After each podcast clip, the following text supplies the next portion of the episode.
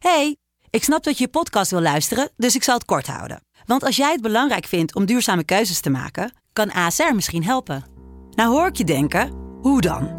Nou, bijvoorbeeld bij het duurzaam herstellen van schade. Of de premies die we beleggen volgens ons duurzaam beleggingsbeleid. Dat bepaalt waar we wel en juist niet in investeren. Wil je meer weten over welke duurzame keuzes ASR maakt? Ga dan naar asr.nl slash duurzame keuzes. ASR doet het. Zo, dan kan je nu lekker naar je podcast luisteren. De stroom.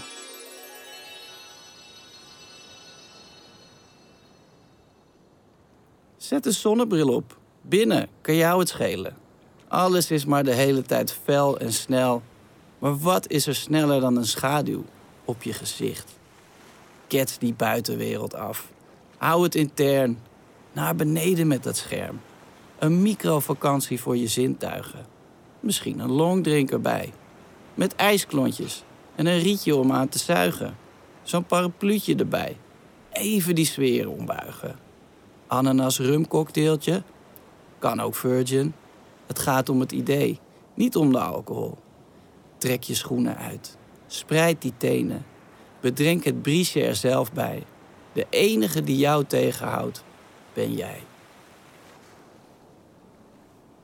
Super. Dit was het al.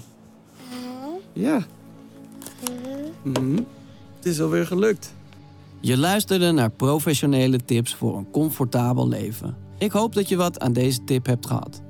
Dat je de boel even de boel hebt kunnen laten. Heb jij zin in nog meer fijne podcast? Luister dan eens naar Vader of de podcast Use and J New Emotions. Geniet. Liefs, Pepijn.